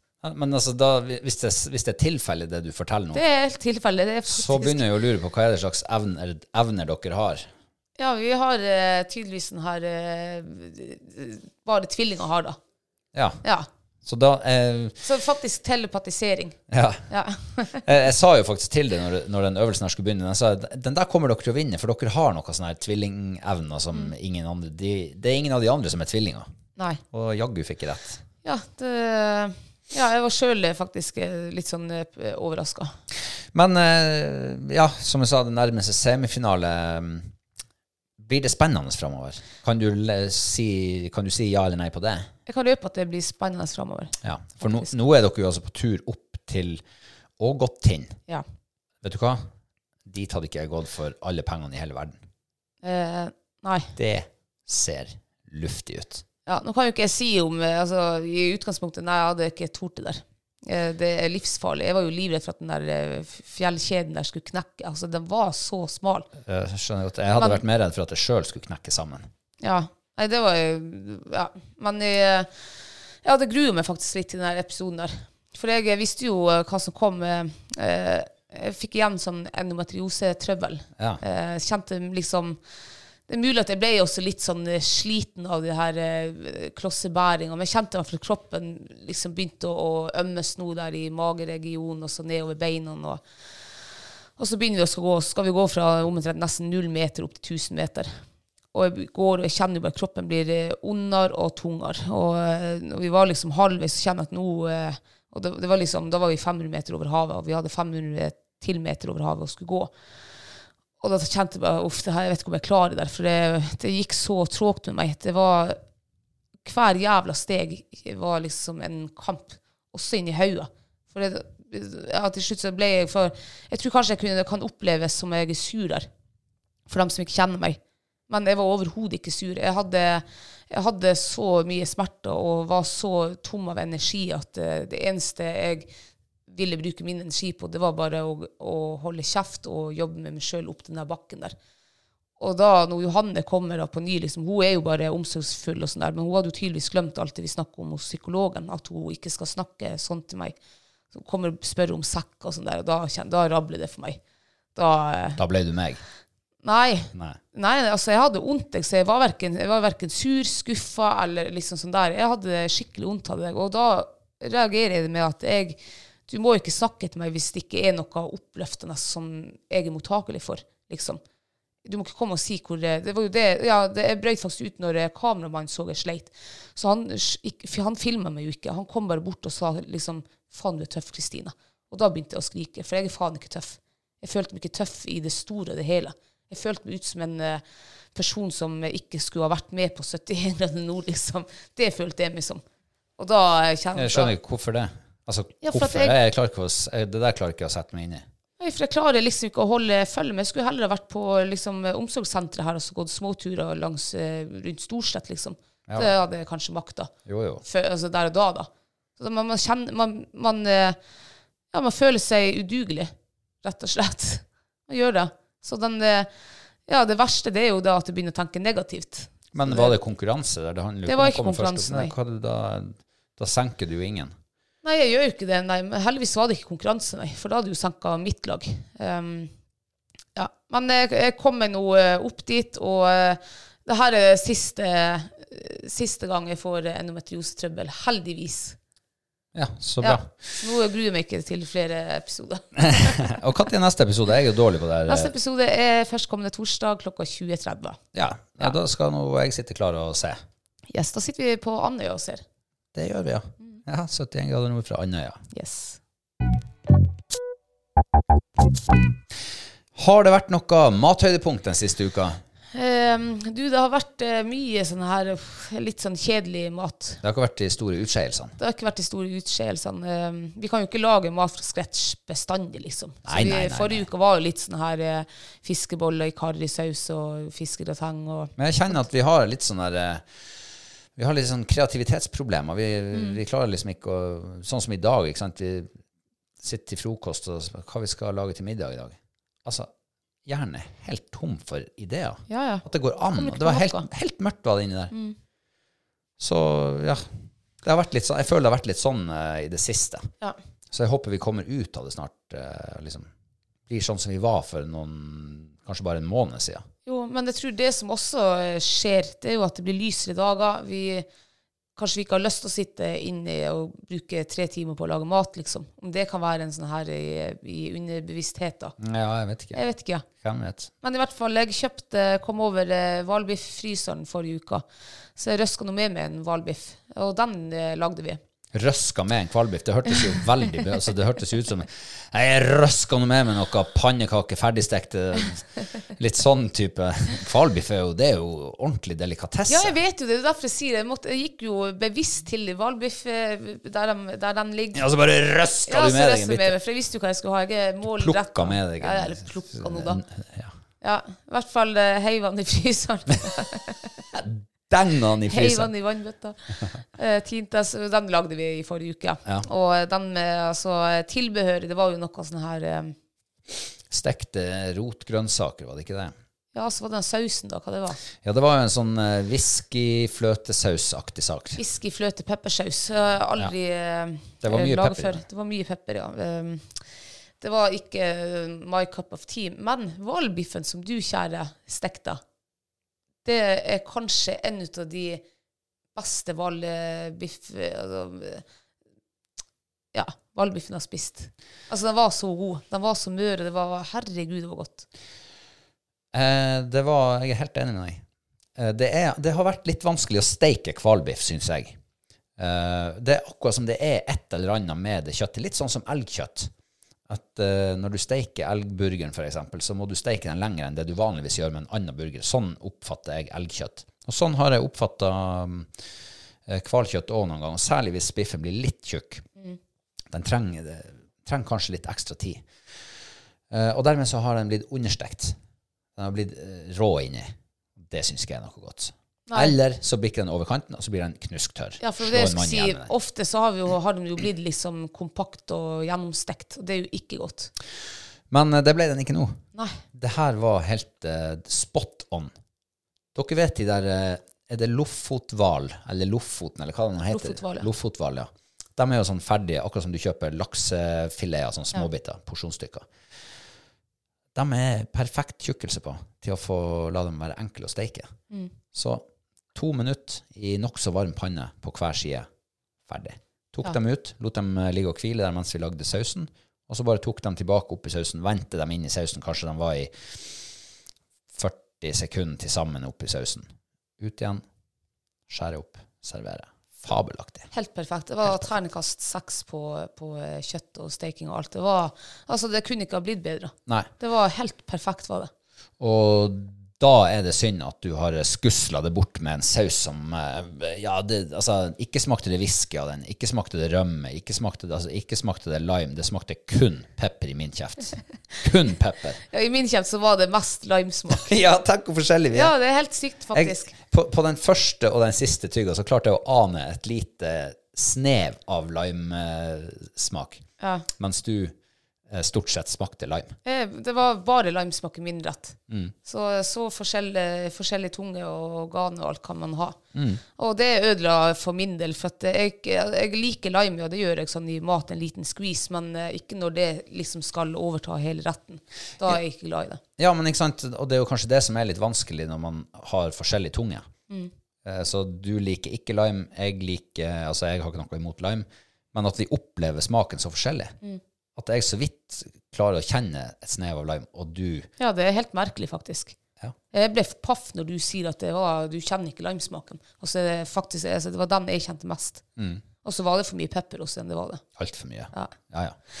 Men kjøttet var godt, så eh, det må jo være min uh, mathøyde. Eller kjøttet var mitt Ja, kjøttet er mathøydepunkt. ja. For selve retten ga jo vel terningkast to eller tre til. Ja, jeg tror noe sånt. Men, så det, det, derfor var det så synd. Ja, eh, veldig synd. Neste gang vi steker kvalbiff, så skal jeg lage kålsa, eh, sånn kålstuing. Det vet jeg kommer til å funke. Ja. Vi skal over til uh, Patrion-gjettekonkurransen vår. Og um, forrige uke så hadde vi uh, han uh, Forrige uke er glemt. Hæ? Er ikke det det? Vi snakker ikke om forrige uke. Vi snakker om forrige uke, for vi må oppdatere eh, dem som eh, lurer. Vi må ingenting. Det er en utvikling. Det var 0-0 sist. Nå er det 1-0 Farsken, altså. til meg. Æsj. Eh, for jeg gjetta at han Nikolai var fra Rognan, og det var han. Ja. Tenk altså, spot on. Ja, helt. Det var ikke, ikke, det var ikke, i, det, det var ikke i kommunen engang, det var Rognan. Ja. Men han bodde jo da i eh, Trøndelag. Mm. Eh, så, men jeg sa jo ikke Trøndelag, jeg sa jo vel Tydalen, var det vel. Ja, det blir uh, altfor unøyaktig.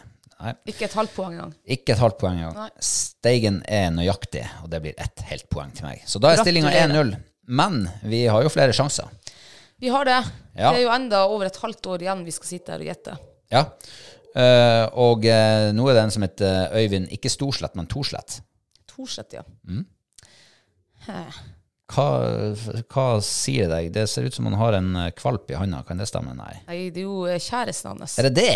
Ja, jeg, har, så, ja, jeg har så lite bilde at det er så vanskelig. Jeg ser at det er et fjell i bakgrunnen, så ser jeg en Ja, nå ser jeg jo at det er et, et, en kvinne. Ja. Kvinnen i hans liv, kanskje? Det ser ut som de er høyt til fjells. Og så ser jeg, eh, jeg ser havet der bak, og det ser ut som det er noe flatt nede med havet. Altså, enten om det er halvøy, eller om det er flere små øyer. Jeg, jeg tenker jo Nordland, det her. For det, de er liksom oppå et fjell som det er bare liksom, litt grønt på. Det er ingen trær der.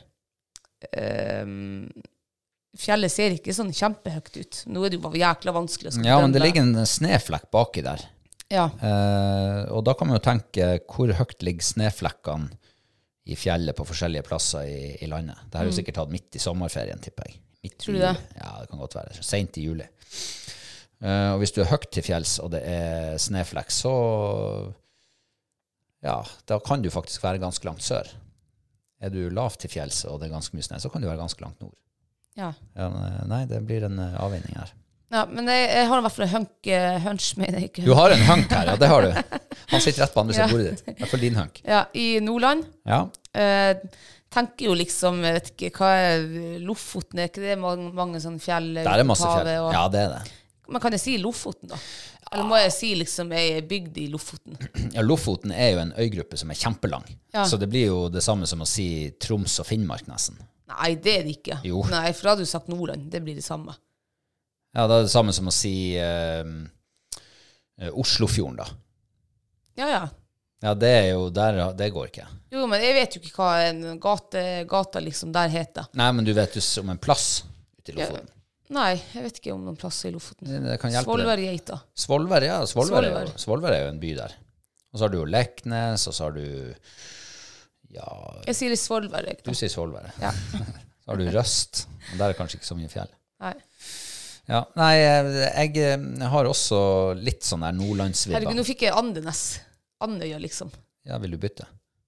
Jeg, skal ta, jeg tenker på det mens du prater. Ja. Uh, jeg tenker, hvordan sier man navnet? Du kan si det på trøndersk. Øyvind Torslett. Eller eh, på Tromsø-dialekt. Øyvind Torslett. Eller eh, kan det være på Vestlandet? Øyvind Torslett? Kan det være Stavanger? Å ja, tenker du det? Eller er det Ålesund? Øyvind Torslett. Det var mer Møre, tror jeg. Eh, så det er jo litt sånn hvor eh, Men eh, nei eh, Eller Ålesund er vel kanskje Møre.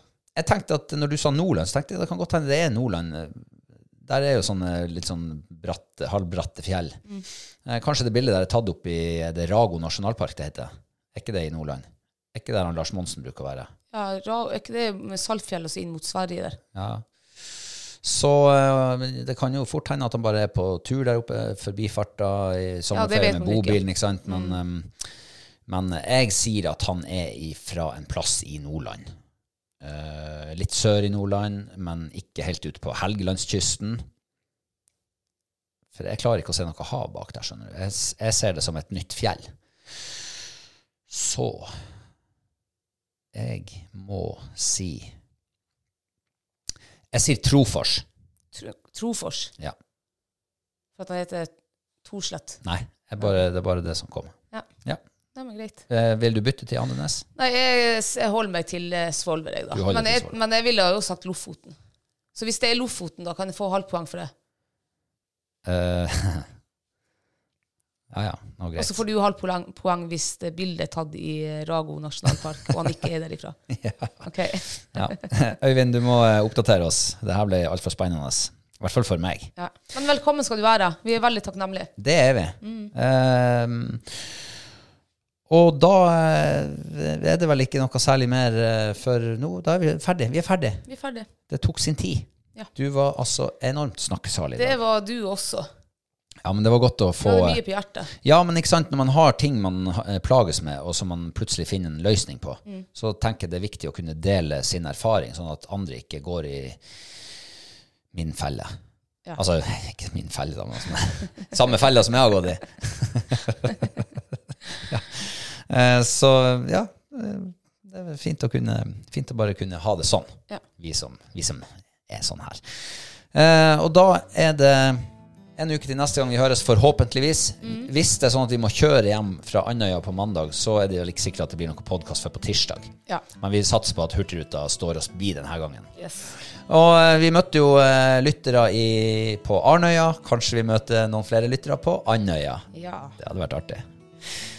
Eh, takk for nå. Takk for at du har hørt på. Husk å følge oss på sosiale medier. Og så høres vi om en uke. Vi høres. Ha det! Ha det.